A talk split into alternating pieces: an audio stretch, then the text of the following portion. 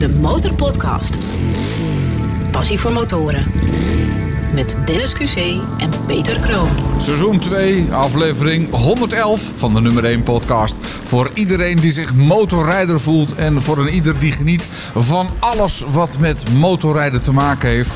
Bijvoorbeeld motorbal. En wij hebben een enorme motorbal gekregen. Ja. Dennis, wat is er gebeurd? Hoe kom je in dat ding? Het leuke van eh, opnemen in een, eh, op een motorbeurs op een podium is dat mensen na het horen van een aflevering denken: ik ga die jongens wat brengen, want eh, ze moeten het ergens over gaan hebben. Komt hier vanochtend iemand binnen, of binnen, in de hal binnen. En die komt met een enorme bal. Die zegt: Die is voor jullie. Dus ik een beetje verbaasd.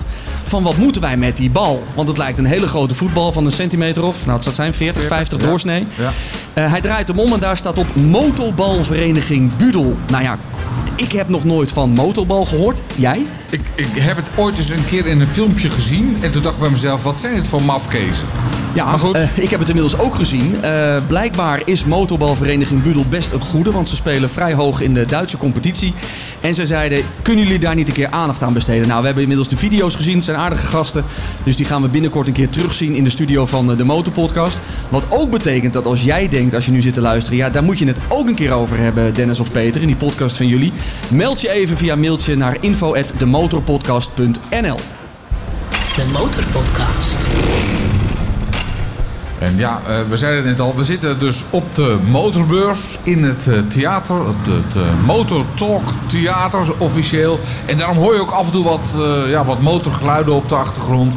En af en toe even wat gas geven of wat gitaarmuziek, het kan allemaal. En wij praten met Jordi van 538. eh We hadden welkom. eigenlijk een naamjingle van je mee moeten nemen. Ja, dat hoort hè bij de radio. Dat je even zo... 538, Ja, dat stellen we Jordi dan toch weer teleur. Toch jammer. Nee, eh, hallo, dankjewel voor de, voor de uitnodiging. Ja, Ja, jij was eerder bij ons de gast in juni 2021. Dat voelt alweer als een eeuwigheid geleden. Ja. Ja. ja, normaal is de eerste vraag waar rij je op. Maar nu is de eerste vraag, hoe is het nu met Jordi? Ja, eh, het, het gaat goed. Er is heel veel veranderd sinds die tijd. Ik, ik, ik werk ergens anders. Ik heb een andere motor. Eh, ja, los van dat is eigenlijk ook weer niet zo heel veel veranderd. Maar nee, het gaat goed. Ja, super. Ja, want je werkte toen nog bij, eh, bij Q. Dat staat toen nog in, in, in de header van die aflevering. Nu werk je bij eh, Radio 538. Welke uren van de dag kunnen mensen jou horen en welke dag? Eh, op eh, zaterdagmiddag van eh, 12 tot 3 en op zondagmiddag van, eh, van 12 tot 3 zit ik op de radio. Je zegt het al, je bent van eh, motor gewisseld. Laten we dan toch maar de eerste vraag eh, stellen. Of de tweede vraag eigenlijk. Ja, Waar rij je op? Eh, een MT10, Yamaha MT10 eh, 2023 versie.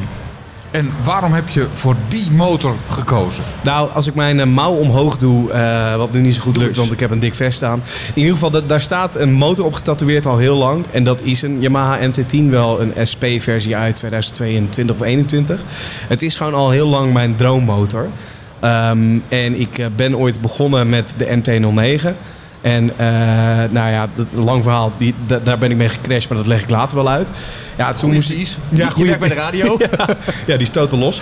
Ehm, dus toen ben ik van de MT-09. Uiteindelijk dacht ik, ja, eh, dan moet ik toch echt wel voor mijn droom gaan. En dat is dus de MT-10. Maar ho, ho, jij hebt dus een, een tatoeage op je lichaam laten zetten nog voordat je die motor gekocht had. Ja, dat heet manifesteren. Dat is helemaal Ja, 2024. dat is waar. Dat is waar. Oh, zo werkt dat. Je, je zet de... Oh, dat moet dan ook eens doen.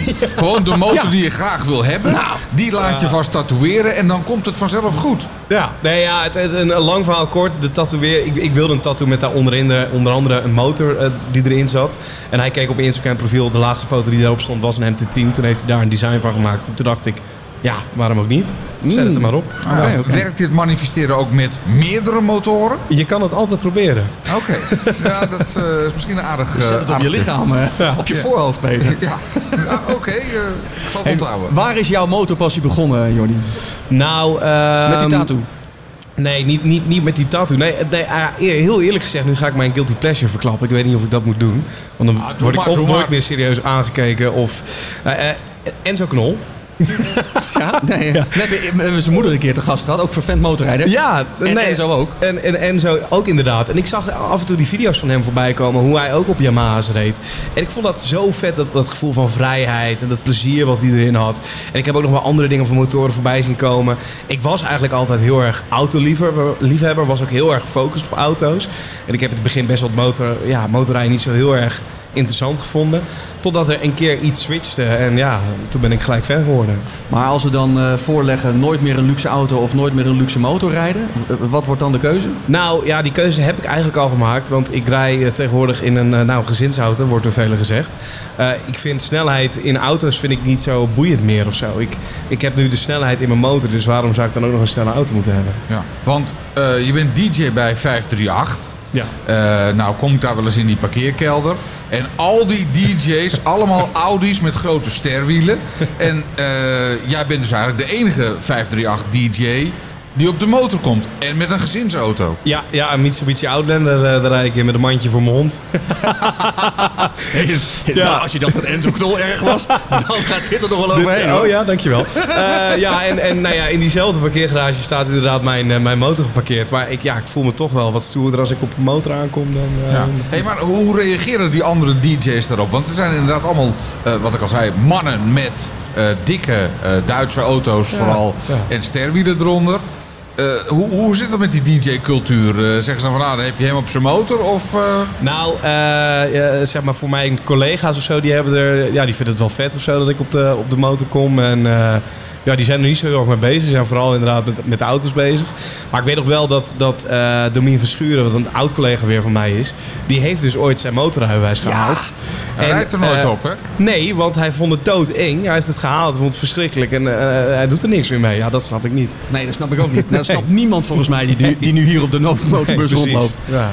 Ik eh, lees even voor het eigen werk, althans van de website van Yamaha. Afgesteld om een sensationeel gevoel van koppel te produceren voor de meest opwindende rijervaring. Dit is de meest geavanceerde Hyper Naked, ook gebouwd door Yamaha, eh, ooit gebouwd door Yamaha. Klopt die omschrijving een beetje?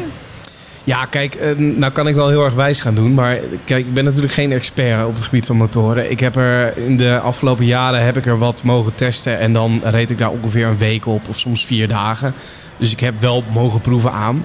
Eh, kijk, ik heb ook, ook gereden op de vorige versie van de MT-10. En dat vond ik een soort van... Ja, nou ik wil niet zeggen logapparaat, maar ik had het gevoel dat het een beetje een stadsbus was op het moment dat ik hem ergens moest inparkeren. Of dat ik in een straat stond en dat je dan omdraait, weet je wel, dat gevoel. En eh, het kan compleet tussen mijn oren zitten, maar toen ik op de nieuwe MT-10, dus die ik nu rij, ging rijden, dacht ik in één keer, hmm, lijkt wel alsof deze motor veel meer, veel, veel wendbaarder is. Alsof hij niet meer dat stadsbusgevoel heeft, dat de tank wat smaller is. Nogmaals, kan tussen mijn oren zitten, maar ik vind het, hij is er wel echt op vooruit gegaan. En ik vind het fantastisch rijden, ook met de, de quickshift die erop zit, een downshift. Dat is ook heerlijk, ja. Ja, ik, ja, ik vind het echt een, een waanzinnige motor. Wat, wat heb je in de tussentijd allemaal gereden? Want je hebt pas kort je rijbewijs dus. Ja, ik, eh, nou, toen ik mijn rijbewijs net gehaald heb, toen eigenlijk de eerste motor waar ik op mocht rijden. Ik heb les gehad op een MT-07. Toen mocht ik een Royal Enfield proberen. Nou, dat vond ik super leuk. zat ik wat, wat lager op. Ik wil het geen eh, chopper noemen, maar eh, natuurlijk wat, wat meer classic bike. Eh, vond ik super leuk. Ik heb op een, eh, de Triumph Rocket 3 GT gereden.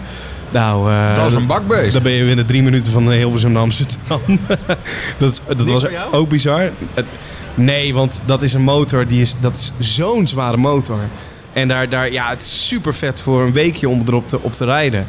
Maar dat, dat ja, was voor mij geen, geen daily driver. Ehm, en eh, ja, wat heb ik nog meer? Ik heb, ik heb ook een BMW GS bijvoorbeeld, eh 1250 heb ik eh, gereden. Ik heb eh, gereden op sowieso wel alle MT-modellen van Yamaha. Ehm, maar ook op een, nou kom ik even niet op de naam. Een heel oud Nederlands merk ook nog. Oh nee, sorry. Mesh heb ik ook op gereden. Ja. Daar heb ik op ge- Ja, eigenlijk van alles. Hey, maar wacht even. Verschillende merken, ja. Eh, jij zegt, mag ik even proberen? Ik mag normaal gesproken nooit iets proberen. Hoe krijg je het voor elkaar dat je, als je net je rijbewijs hebt, even dit mag proberen, even dat mag proberen? Eh, wat zeg jij tegen die dealers om dat voor elkaar te krijgen? Of komt dat omdat je eh, een radio personality bent? Nou ja, kijk, dat is natuurlijk een beetje het schaamrood op de kaak. Omdat het inderdaad vanaf nou ja, dat ik mijn rijbewijs heb gehaald, dat dat voor mij inderdaad heel makkelijk ging. Eh dat had er ook wat mee te maken dat ik. Ik leerde de hele tijd via via mensen kennen. En nou ja, zoals iedereen wel in de motorwereld kent, gunt iedereen elkaar heel veel. En is het echt zo van, nou, welkom bij de club, je motorrijder en eh, nu ga je verliefd worden. Eh, en dat, dat had ik ook bij al die merken. Met Yamaha kwam ik eigenlijk in contact door mijn motorrijlesleraar eh, die mij les gaf. Ja, heel ingewikkeld verhaal. Maar die kende daar dan weer de, de, de persoon van, van Yamaha Nederland. En zo hop ja, van de ene naar de andere, zeg maar. En. Ja, dan is het... In het begin was het ook een beetje een soort van review eh, op, Instagram delen wat ik rijd. Het was een soort van ja, journey, ook een Ah, reis. je moest er wel wat voor doen. Je moest wel eh, recensies nee. achterlaten. Eh, nee. Heb- recensies. Nee, ook niet eens. Nee, ik heb nog nooit, wat dat betreft, voor die merken die ik net allemaal noemde, al die motoren die ik heb ik nog nooit van tevoren afgesproken van ik, ik rij hem en dan post ik dit of post ik dat. Het was altijd het goede goodwill. En tuurlijk post je dat als je daar op aan het rijden bent of als je aan het testen bent. Maar... Ja. Wat ik wel leuk vond is dat eh, jouw zoektocht, die deelde je op social. Eh, en daarmee inspireerde je volgens mij heel veel andere, eh, vooral jonge rijders. Want die gingen ook vragen aan jou stellen van... Wat vind je van die rijeigenschappen? Je rijdt nu daarop, vertel me eens iets meer. Ja, Dus- en, en ik kwam ook in een, in, een, eh, in een soort van community terecht. En in, de, in die tijd deed ik nog aan Twitch streams. Dat werd, net al even geïntroduceerd op het podium. Is dat ik livestreamde terwijl ik motorreed. Sterker nog, ik heb een keer een motorrijders gedaan. eh, live op Twitch. En daar leerde ik heel veel eh, jonge gasten kennen die ook bezig waren met een motorrijbewijs. Of ook al motorrijden. Nou, er zit letterlijk nu iemand hier in de zaal. Eh, Raymond heet die jongen. Die, die zat ook altijd op Twitch te kijken. Die leerde ik eigenlijk ook via het platform kennen. Ook een jonge gast die motorrijdt. En eh, zo waren er ook mensen gewoon aan het kijken die zeiden... ja, ik wil ook mijn motorrijbewijs halen. Ik wil, ook, ik wil dit ook. Ik vind het fantastisch. Voor de mensen die alleen maar in de cc's thuis zijn en niet in Twitch en livestreaming, leg even uit. Ja, kijk... ehm, Wat is Twitch? Eh, eh, Twitch is een livestream platform en je kan het vergelijken met YouTube, maar dan voor livestreams, livestreams alleen. En in het begin begon dat als gameplatform, dus dan kon je kijken naar gamers die Call of Duty aan het spelen waren, schietspelletjes of race en dergelijke. Hadden hun webcam erbij aan, dan kun je meechatten en meekijken. En eh, alleen Twitch Nederland is de laatste jaren ook wat meer geworden. Dus je kan daar ook kijken naar een podcast die wordt live gestreamd. Je kan daar kijken naar iemand zoals ik, die thuis eigenlijk alleen maar just chatting deed, heet dat dan. Dus ik zat dan in mijn studio te praten met de mensen in mijn chat. En ik deed daar dus ook IRL, I, eh, in real life streams heet dat dan. En dat was dus dan onder andere op de motor. Maar dan, dan zit je op de motor.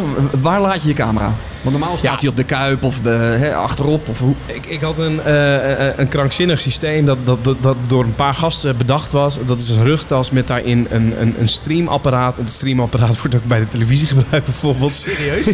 ja. Eh, eh, die zat daar achterin en dan ging een cameraatje. Die camera die zat op mijn helm.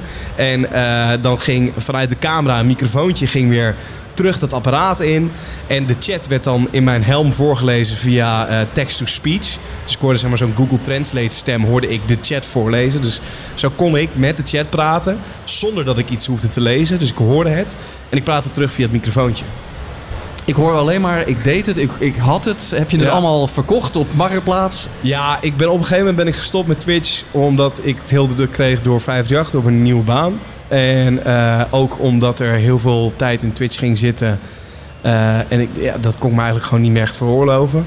Ehm, dus ik heb de, de tas bijvoorbeeld op een gegeven moment heb ik ook weggedaan. Want ja, het kost heel veel geld. Er moesten echt twee abonnementjes in. eh, dus je betaalde twee abonnementen per maand aan internet. Ehm, dus dat, dat heb ik uiteindelijk weggedaan. En ik denk ook wel, ook al had ik het Gevaarlijk ook een beetje, of niet? nou ja, kijk, in feite, want dat, dat argument heb ik ook heel vaak gehoord, hebben we het vorige podcast ook wel eens Ja, over ik gehad. heb wel eens een DJ gezien in een auto. Ja. Die zat te twitchen. Ja. En die iemand heeft aangereden. Dus ik wil niet veel zeggen. Shout-out naar Daniel Lippens. Ehm, nee, kijk, in feite moet je het zien natuurlijk als een telefoongesprek. Dus als jij met iemand belt in jouw helm, dan praat diegene ook tegen jou. Ja. En jij praat tegen, tegen diegene terug. Eh, en dat was ook letterlijk wat ik met die Twitch livestreams deed. Het, het enige dingetje is eh, wel waarom ik dat nu ook niet meer zo chill zou vinden om te doen. Mensen zijn natuurlijk tegenwoordig heel erg bezig met heel erg vergrootglas op jou leggen met alles wat je online doet.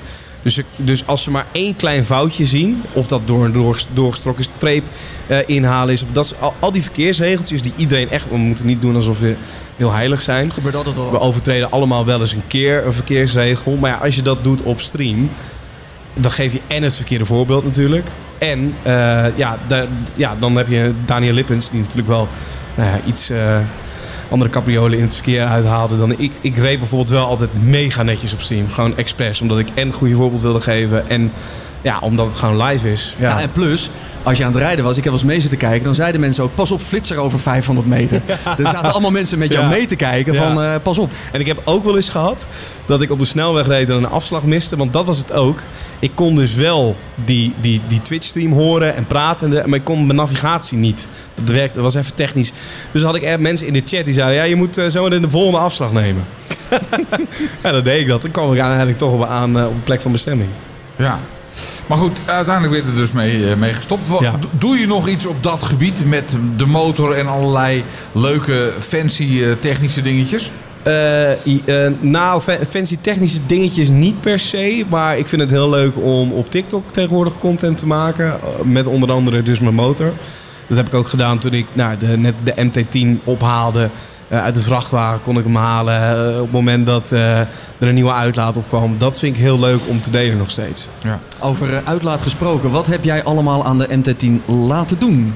Ehm, nou, er zit een andere einddemper op van Akrapovic. Dat is ook de versie voor de MT-10. Eh, en eh, toen zat hij erop.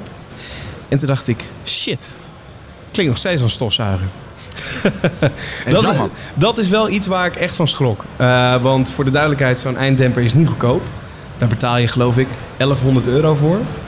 En toen ik die verwisselde met de originele einddemper die erop zat, dacht ik echt, is dit, is dit echt wat het verschil is? Maar Dus dan zit jij even- ook boven gemiddeld in het geluid natuurlijk, hè? Ja. Als eh 50 DJ. Oh, zo bedoel je? Ja. Ja. nou ja, ja nee, ik vond, het, ik vond het niet spectaculair. Niet voor dat bedrag wat je er dan voor zou betalen. Dus je hebt even de popnageltjes eruit geslepen in de schuur. En eventjes eh, de dB-killer eruit gehaald. En even een beetje uitgeveild. En, Nee. en toen klonk hij wel goed. Ehm, nou, ik ben dus op zoek gegaan naar een D-cat. Eh, dus de katalysator eronder weghalen, zodat dat in ieder geval was opgelost. Toen kwam ik op Marktplaats een, een Arrow eh, D-cat tegen. Van iemand die had dezelfde motor als ik. Maar die had ja, iets aan zijn handen super sneu gekregen. Waardoor hij nou, dat ding nooit meer uit de verpakking had gehaald. Dus voor 200 euro uiteindelijk een, of, hoe heet dat, een eh, D-cat opgehaald. Ja, en nu eh, als ik de motor start, dan hoor je dat hier ongeveer in de jaarbeurs van het Hilversum. het is echt asociaal, maar ja, wel lekker. Ah, je, je lacht erbij. Eh, we hebben net eh, de, de, de man van de KNV in de hand geschud. Die was hier voor te gast. Dat is juist... eh, Hij is de, er niet nog steeds dan, toch? Nee, Wim is weg. Maar we weten natuurlijk als motorrijder ook dat je soms op een weggetje komt waar dan een bord Ja. staat. Hè, een motor met een grote rode streep er doorheen. Waar je op zaterdag dan ook niet meer doorheen mag.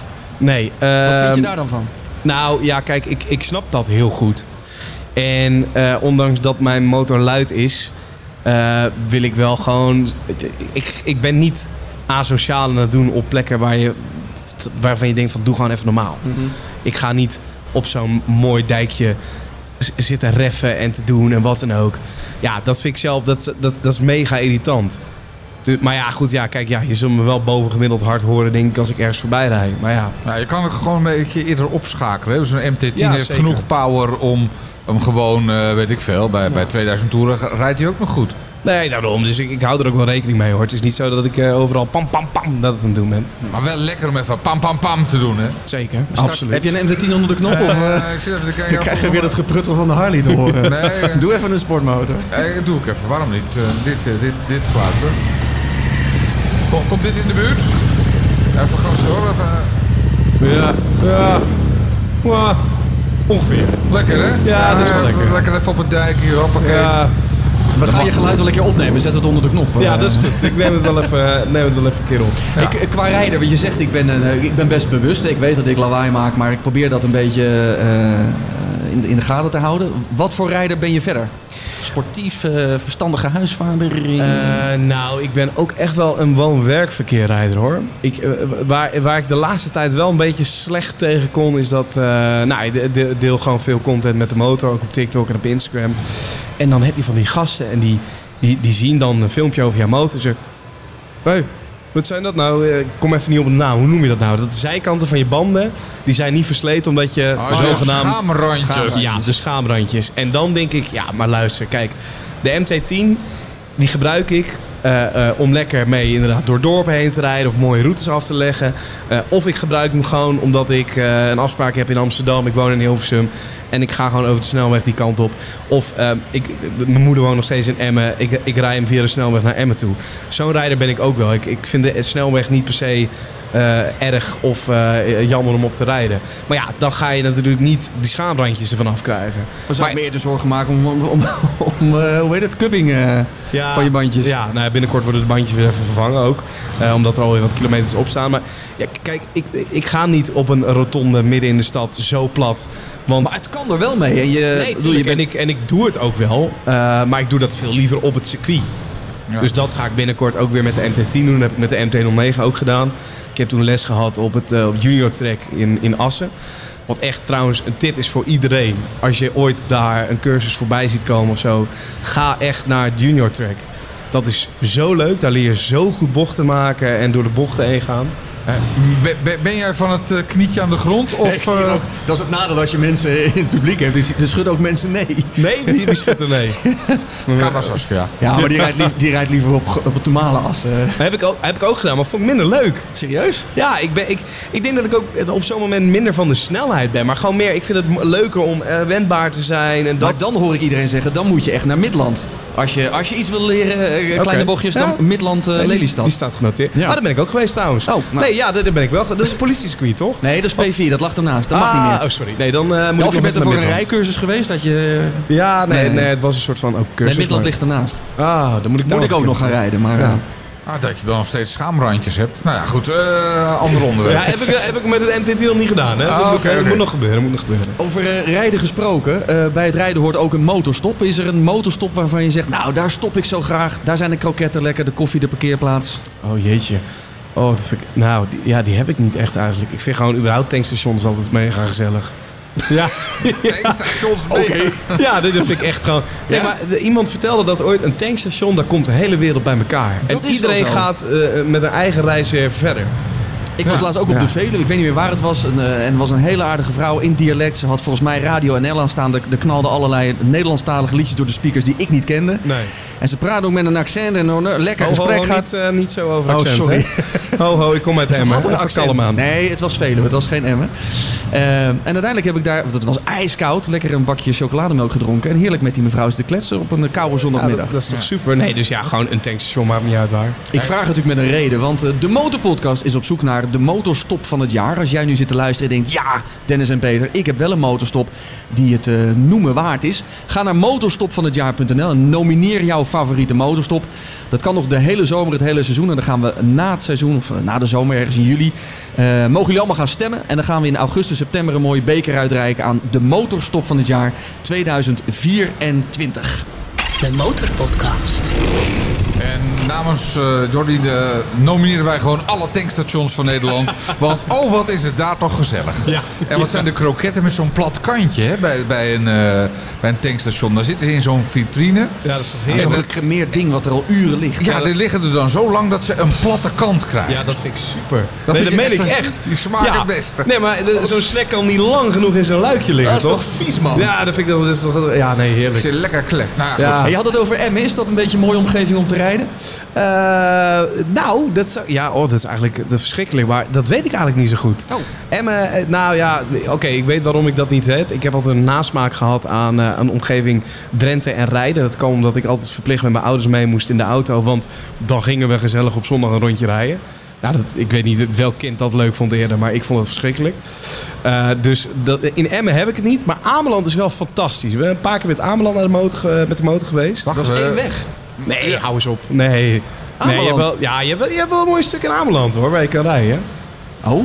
Ik, Kijk, Kessel is ik was er echt groter, drie maar- weken geleden nog, maar Ja, je hebt wel, ik, ik, ik geef dan wel ga ik even nog door. een keer terug. Ik denk ook tegelijkertijd, ja, je hebt ook wel weer gelijk. Dus inderdaad wel één weg. Maar wel leuk om naartoe te rijden. Het is wel een heel mooi eiland, ja. ja. Je, je kunt er heerlijk gas geven. ja, precies. Lekker. eh, Maar waar, waar rij je dan wel het liefste in Nederland? Je zegt wel woon-werkverkeer, maar Ik er is vast een gebied waar je denkt, dat is echt wel mooi. Ja, er zijn, er zijn een paar prachtige routes eh, in omgeving Utrecht natuurlijk. Je hebt zo'n route, eh, dat, dat is ook op de dijk. Ja, die is heel bekend. Maar ik ben qua topografie onthoud ik het niet altijd. Lekdijk. Ja, exact. Eh, waar je die grote sluis ook hebt staan, toch? Oh ja, de Daar- Wilhelmina, Margriet, Ja. Juliana Sluizen, geen hebt, idee. ehm, Beatrix. Loenen langs de Vecht, dat is daar bij, bij Vinkeveen, Loosdrecht, bij ons in de buurt. Maar dan mag je ook echt maar 30 of 60 of zo. Dat is Ja, echt maar je wel, eh, hoeft daar... Ja, ja, oké, ik heb. Ik heb één keer ben ik met een motorgroep mee geweest. Dat doe ik nooit meer van mijn leven. Want jij hebt je eigen rit georganiseerd. Ja, klopt. Maar ja, dat is, dat is gewoon allemaal netjes aan de snelheid. 30, 40, 50, weet je wel, wat er mag. Eén keer met een groep meegereden, ging met 100 Nou, dat doe ik echt bang voor mijn leven. Dat doe ik nooit meer. Eh, maar ik, ik, het is toch ook lekker. Je hoeft toch ook niet met 80 langs zo'n nee. watertje te rijden. Helemaal eens. Ik bedoel, zo'n zo'n dijkweggetje. Of ja, ik kon er het liefst niet omdat ik het te klein en te lastig. En althans lastig, maar gewoon te rustig. En eh, laat mij maar een beetje gassen. Ja. En dat doen ze het liefst niet daar. Althans, dat willen de mensen niet. Maar, Ja. nee, maar wat vond je dan zo irritant? Was het de snelheid? Was het onveilig? Gingen mensen op het achterwiel? Wat... Nou, kijk, ik ben. ik, ik kan, als ik in mijn eentje ben, kan ik best wel op, op bepaalde stukken scheuren. En ben ik ook niet bang op de motor. En ja, file rijden en haal ik soms capriolen uit. Of eh, hè, dat, dat je denkt van, nou, dat eh, nou, had misschien tricky kunnen zijn. Maar, eh, wat voor capriolen dan? nou weet ik niet, gewoon eh, ergens even inhalen omdat je Oh, sneller ja. bent. Wat je als een motorrijder gewoon heel automatisch al heel snel doet natuurlijk. Gewoon motorrijden dus. Precies. Ehm, maar op het moment dat je met een hele groep bent en je, je, je rijdt achter en de rest rijdt allemaal honderd op plekken waar je bijna door het zonlicht de volgende bocht niet ziet, geen idee hebt wat er bij de volgende bocht omheen komt. Ja, daar, ja dat eh, is niet aan mij besteed. Daar ben ik niet zo'n derde voor in. Nee. Hoe was het? Want jij hebt zelf een rit georganiseerd naar aanleiding van jouw Twitch-avontuur volgens mij. Ja. Hoe was jouw eerste rit met eh, Twitch-vrienden? Ja, mega leuk. Eh, leuk. Eh, het was een mannetje of twaalf, kan ik me nog herinneren. Ja, is, superleuk. Eh, ook omdat je, je moet, je moet best wel over dingen nadenken natuurlijk. Want je hebt altijd iemand die rijdt voorop. Je hebt iemand die rijdt achterop. Weet je wel, als je bij het stoplicht staat en eh, de, de andere helft is al weg. Dan eh, nou ja, moet je wel op elkaar gaan wachten en zo. Eh, dat was ook toen nog met die Twitch livestreams erbij. Ja, het is gewoon leuk. Je bent gewoon met, met, met allemaal mensen bij elkaar die houden van motoren. En je, je, eh, iemand maakt een route. Ja, dat is ook, daar zit ook best wel soms, soms even wat tijd in om een goede route te verzinnen.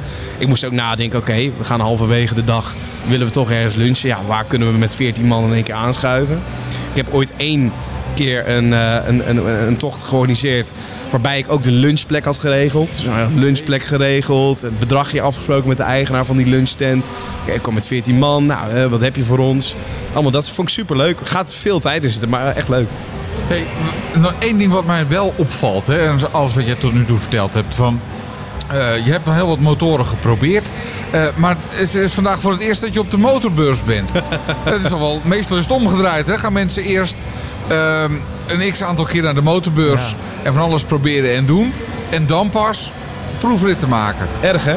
Ja. Het, Hoe kan het dat je pas vandaag voor het eerst op de motorbeurs bent? Ja, dat is schandalig. Ja, misschien, misschien toch omdat ik eh, ja, meer naar autobeurs altijd ging vroeger. Oké. Dus eh, Kun jij je de eerste keer motorbeurs nog herinneren, Peter? Eh, nee, ik weet, ik weet niet precies wanneer de eerste keer was en hoe het toen was. Maar wel dat ik onder de indruk. Tenminste, ik ben eigenlijk altijd onder de indruk geweest. nou ja, ik, eh, ik loop hier. Het is een grote prikkelkermis. Heb je al wat gekocht? Nee, nee, nee dat, nog, dat nog niet. Eh, ik ga zo meteen na de podcast ga ik nog even een goed rondje doen. Want ik, ik heb, eh, ben even bij Yamaha langs geweest. Eh, GP Products hebben een stand hier. Daar heb ik even echt gewoon bijna het kwijl uit mijn mond, pardon. Want er stond een BMW 1000R helemaal in het carbon. Waanzinnig. Wat, leg me toch eens uit, wat is dat met dat carbon? Want wij hebben hem gisteravond ook gezien. Ja, vind jij niet... Ja, ik heb niks met carbon, maar het is heel persoonlijk. Ja, het, eh, ja, wat is dat met carbon? Ik, nou, eh, ook een voorbeeld. Eh, Rocher van de Kuinder in Hilversum, is motordealer ook. Die heeft een Yamaha MT-01 in de showroom staan bovenin. Als je er bent, moet je maar eens kijken.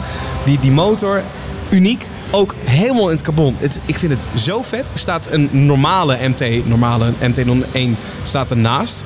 Ja, en dan vind ik dat carbon vind ik prachtig. Ik weet niet waarom. Het ziet er sportief uit, vet. Een soort van, ja, kan niet omschrijven. Nou, nou ja, ik, ik, ja, ik, ik word er ook niet specifiek warm van. Op je Harley geen carbon, denk ik. Nee, nee, nee. Hey, we hebben het de hele tijd over die MT-10, maar voor die MT-10 zit ook nog een MT-09. Ja, Die is eh gecrashed. ja. Vertel. Ja, Of die, jij bent gecrashed met de MT-09. ja, nou ja, ik weet het nog. eh, ik kan het zo helemaal weer afspelen in mijn hoofd. Ehm, ik, eh, ik reed op de MT-09 naar, eh, richting Rotterdam. En je hebt daar op een gegeven moment een vierbaansweg. Eh, de twee banen links die gaan rechtdoor richting Den Haag, geloof ik uit mijn hoofd. En je hebt twee banen die gaan rechtsaf. Nou ja, dat is een, dat is een invoeg-uitvoeg situatie natuurlijk. En ik rijd daar en ik wil rechtsaf gaan, dus invoegen. En eh, naast mij rijdt een, eh, een busje met een Pools kenteken. En die, eh, die zien mij niet. Dat heb ik gelijk door. Want nou, ik, ik weet nog dat er stond geen richtingaanwijzer aan. Dat wist ik 100% zeker. Eh, dus daarom reed ik er eigenlijk ook al naast. En ik zie op een gegeven moment dat busje komt naar mij toe. En ik schrik daarvan. Ehm, en heel stom, raak daardoor afgeleid. Want ik kijk nog een soort van opzij, wordt een soort van pissig. Zo van, hallo, eh, wat ben je aan het doen? En eer dat ik dat doe, naar rechts kijk en ik kijk vooruit... Uh, rijd ik recht op een eh, auto af, Peugeot 107 of zo. Gewoon zo'n kleine auto. En ik zie dat gebeuren en denk, nou, super, dat was het.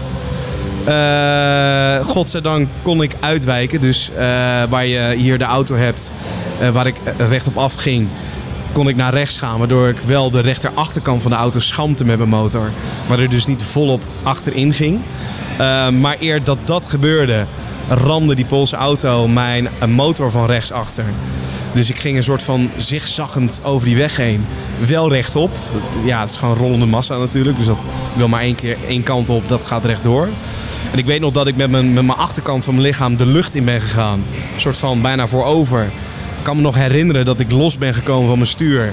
En dat ik weer zo op de motor belandde. Mijn stuur vast had. Uh, en toen gelijk achteruit keek om te kijken of ik naar rechts kon, naar de vluchtstrook. En hem op de vluchtstrook heb neergezet. En toen stond mijn motor daar. En toen stond er al een auto voor mij. En ik keek naar die auto en ik weet nog wat ik dacht. Oh, huh? Nou, dat valt wel mee. Ik zie helemaal geen schade. Maar wat bleek nou, en dat vond ik een heel mooi moment. Uh, ja, toch wel mooi bij een ongeluk. Maar er was een vrouw die had dit allemaal zien gebeuren in haar achteruitkijkspiegel. En die dacht, oh mijn god. Komt, komt dit goed? Gaat het goed met hem? Die heeft haar auto op de vluchtstrook gezet. En die, die kwam gelijk de auto uit. Gaat het goed, jongen? Gaat het goed? Check even of Ja, ja, ja. Dus ik check inderdaad of mijn lichaam, weet je wel, of er iets kapot was of wat dan ook. Uh, nou, dat was godzijdank niet zo. En zij gaf mij gelijk een knuffel. Dus zij gaf mij echt gelijk een knuffel. Ze van, oh, ben ik blij dat het goed met je gaat. Maar ja, toen liep ik om die auto heen. Toen zag ik en de Poolse auto staan en de Peugeot 107 staan. En die Peugeot 107, lekker achterband, uh, helemaal deuken in de, in, de, in de bumper. En ja, die had ik natuurlijk gewoon van rechts achter geschramd. En nou ja, die Poolse auto had ook links voor schade. En toen dacht ik wel, oh shit. Hey, uh, deed het pijn? Nou ja, ik heb dus niks eraan overgehouden. Behalve, en dat klinkt heel lullig, een zeer grote teen aan mijn linkervoet. Nou ja, eh, dat valt er reuze mee dan. Ja, gelukkig. En, en uh, godzijdank ook helemaal beschermende kleding aan. Sindsdien, ik, ik had altijd al dat ik de snelweg en dergelijke op zou, dat ik altijd beschermd zou zijn. Dus ook met motorschoenen. En ik denk wel dat dat mijn teen heeft, in ieder geval mijn teen heeft gered ook. Want uh, ja, die was helemaal beurs en een soort van half uh, gekneusd. Maar ja, meer dan dat heb ik er niet aan overgehouden. Maar stel je voor wat er allemaal nog had kunnen gebeuren. Ik bedoel, dat je ja. van je motor bent gekomen en weer op je motor terecht bent gekomen is een godswonder. Je had ook over die 107 kunnen slaan. Ja. Of ja. whatever kunnen raken, ja. Ja, en uh, kijk, ik, ik ben heel blij dat dit is gebeurd op een moment waarop ik voor mijn gevoel mijn motor volledig kende omdat ik er echt, nou, ik heb er iets van 6, 7 circuittrainingen mee gedaan. Ik heb er, nou, ik had er bijna 10.000 kilometer opgezet in een jaar tijd of zo. Uh, ik denk dat dat ook wel deels heeft geholpen voordat ik erop ben blijven zitten. Nou, misschien zit me tussen mijn oren, maar zo so be it. Maar nee, had heel anders kunnen aflopen. Ja, daar ben ik me heel erg van bewust. Hoe snel ben jij uh, daarna weer opgestapt? Uh, een week. Ja. Bewust? Ja, op, de, op een MT-09 dezelfde route gereden. Maar dat is ook een gevaarlijk stukje daar, hè? Want uh, ja. daar is ook een stukje vangrail van mij namelijk. Oh. Uh, ja, nee, ik ben er ook een keer, uh, maar dan met, met vierwielen gecrashed. de vangrail ingedoken en um, toen kreeg ik uiteindelijk een rekening van Rijkswaterstaat oh. voor een, een, stuk vangrail. En wat kost een stuk vangrail? dat, dat, is meer dan 1000 euro oh. voor een paar meter. Maar ik heb daar dus een stukje vangrail. Dat is, dat is nu van mij officieel. Wij reden daar een, keer, een keer en hij zei ook van kijk, dat, dat schone stukje, dat redelijk nieuwe stukje, dat is van mij. En toen vertelde hij ook dit verhaal. maar ja. ja, kijk, want dit, dit verhaal, ik heb, ik heb alle, alles altijd online gedeeld. Hè. Dus, dus uh, dat ik een MT-09 ging rijden, nou die Twitch teams heb ik gedaan. Zeg maar, maar dit verhaal wat ik nu hier vertel, heb ik eigenlijk nog nooit gedeeld. Omdat het uh, een deel schaamte was. Uh, hoezo schaamte? Ja, omdat ik gewoon een ongeluk veroorzaakte. Nou ja, ik ben in een ongeluk geraakt. Ik, ik ben op dat moment heb ik niet goed opgelet. Ik ben gewoon verkeerd met de situatie omgegaan. Heb ik wel van geleerd. Maar ja, dat is een pijnlijke les natuurlijk. Eh, en ik heb het ook gewoon niet... Zeg maar, er- er zijn altijd meningen over motorrijders, toch? Dus wat, wat jij nu zegt, Peter, een stukje vangrail. Ja, ja, wij kunnen als motorrijders kunnen dat tegen elkaar zeggen. En we kunnen er, ja, hè, godzijdank, om lachen. Omdat we weten, volgens mij is er zelfs een uitspraak, toch? Je, je hebt motorrijders die zijn gevallen en je hebt motorrijders die zijn nog niet gevallen. Juist. Ja, nou ja, dat, dat is bij ons een bekend verhaal. Maar ja, probeer dat maar eens uit te leggen aan iemand die geen motor rijdt. Nee. Nou, dan hoor je vaak, waarom stap je op, je rijdt jezelf dood. Zie je wel, ik had het toch gezegd, het is onveilig, krijg je dat soort vooroordelen. Orgaandonor natuurlijk, Ja, dat wordt ja. ook vaak gezegd. Maar wat wel de, wijze les, en heel, klinkt heel belerend, maar die kleding is van belang. Eh, goede helm natuurlijk, hè. als een helm eenmaal kapot of gevallen is. Toch hoor ik nog steeds mensen die zeggen, ja hij is gevallen, maar ik trek hem nog steeds eh, over mijn hoofd heen. Bezuinig nou niet, niet op dat we op de motorbeurs staan, maar bezuinig nou niet op die dingen die je aantrekt. Nee, nee, absoluut. Nee, dat heeft mijn grote teen ook gedaan. Ja. ja. Ja. Jij, hebt er nog, eh, jij bent daar iets makkelijker in, hè? Als je Nou- een kort stukje of als je maar 50 gaat. Ja, ik, ik, ik rij soms gewoon alleen met een eh, gewone spijkerbroek, maar ook wel vaak een spijkerbroek om eh motorjeans. Maar helemaal in het pak, ja, ik moet zeggen, af en toe alleen een leren jackie. En dan de korte binnenstukjes, ja, Ja, kijk, en Harley Davidson rijders die gaan natuurlijk niet harder dan 30. Dus. precies. Eh, olies voor. En, Heb je dat trommeltje niet? ja, ik- wacht even. Ik, ik, ja, ik heb het trommeltje niet alleen, ik heb ook uiteraard het geluid eh, van eh, de motor. Het, eh, maar ga- het gaat inderdaad niet hard. Hartstikke veilig, niets aan de hand. Hè? Ah, het, is, het is net zo mooi, Peter. Het is net zo mooi. Hey, eh, 538 DJ Jordi, dan, eh, dan heb je vast ook een plaat waar je harder van gaat. Die vragen we niet meer aan elke, luister, of, eh, elke gast inmiddels, maar eh, bij jou is die heel relevant. Van welke plaat krijg jij het ultieme motorgevoel? Ja, nou, ik heb er eigenlijk eh, twee. En eentje is weer even bij me omhoog gekomen... omdat we net de 90s Top 750 hebben gedaan bij eh 538.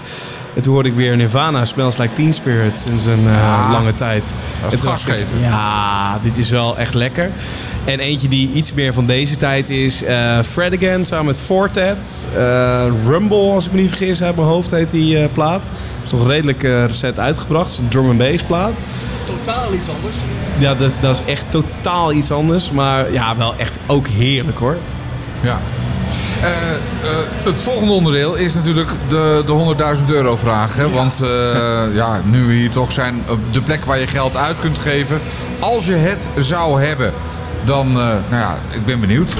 De Motorpodcast. 100.000 euro voor je motorliefde. Wat ga jij ermee doen? Ja, nou dan, 100.000 euro. dan maak ik de MT-10 volledig carbon. Speciaal voor eh, jullie eh, carbonliefhebbers. Nee, eh, nou, ik zou, ik zou 100.000% zeker nog steeds gewoon de MT-10 in mijn garage hebben staan dan. Maar dan zou ik toch ook wel eh, kijken naar een BMW R1250 GS. Gewoon puur omdat ik er ook wel ben achtergekomen dat... Ja, als je dan een keer richting Emmen rijdt... Ja, dan is het wel lekker om op zo'n motor richting Emmen te rijden in plaats van de MT-10. Want hoe lekker die ook rijdt, op een gegeven moment eh, ben je wel een beetje klaar met die wind. En eh, ook wel een beetje misschien met de, met, met de houding. Eh, maar, en, en daarnaast zou ik toch, denk ik ook stiekem wel... Ja, ik weet dat ik het net belachelijk heb gemaakt. Een Harley Davidson. Ja, toch. Omdat, omdat het lijkt mij toch ook wel vet om inderdaad gewoon zeg maar onderuit gezakt zo...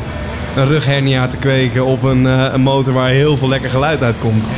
Nou, rughernia valt mee hoor. Als, als je het sturen zo goed afstelt, is er niks aan de hand. Maar Met die stipjes voor je voeten. Dit stipjes voor je voeten, ja. Ja, dat je zo lekker zo lang uit kan zitten. Nee, maar, maar serieus, zonder gekheid. Dat lijkt mij, eh, dat lijkt mij echt prachtig om, eh, om een keer op te rijden. Ja.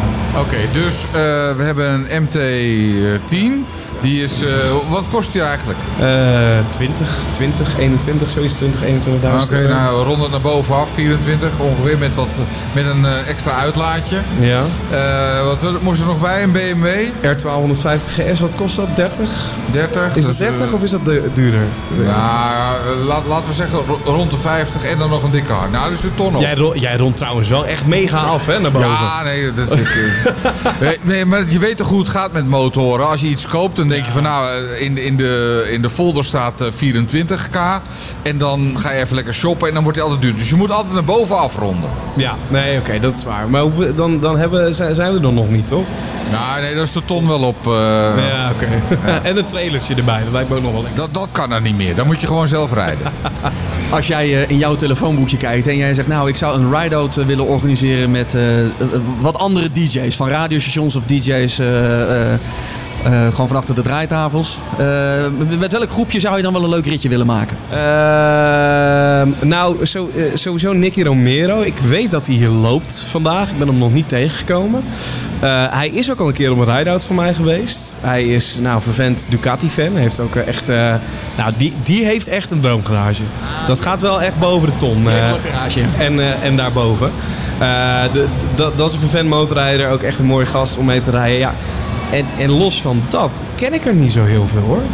We hebben ook niet, niet, niet radio-dj's die echt, eh, echt rijden. Eh, nee, want nou ja, eh 538, ik zit in hetzelfde gebouw met Radio 10. Nou, Sky Radio ben ik er sowieso natuurlijk snel uitgekeken. Maar volgens mij bij Radio 10 rijdt er ook niet echt iemand motor. Dan moet je toch op Mediapark gaan kijken. Ja. Ruud de Wild volgens mij rijdt motor. Oh ja, dat klopt. Ruud rijdt de motor. Ja, bij, bij Radio 10 werkt er wel iemand die heel graag motoren bekeurt, denk ik.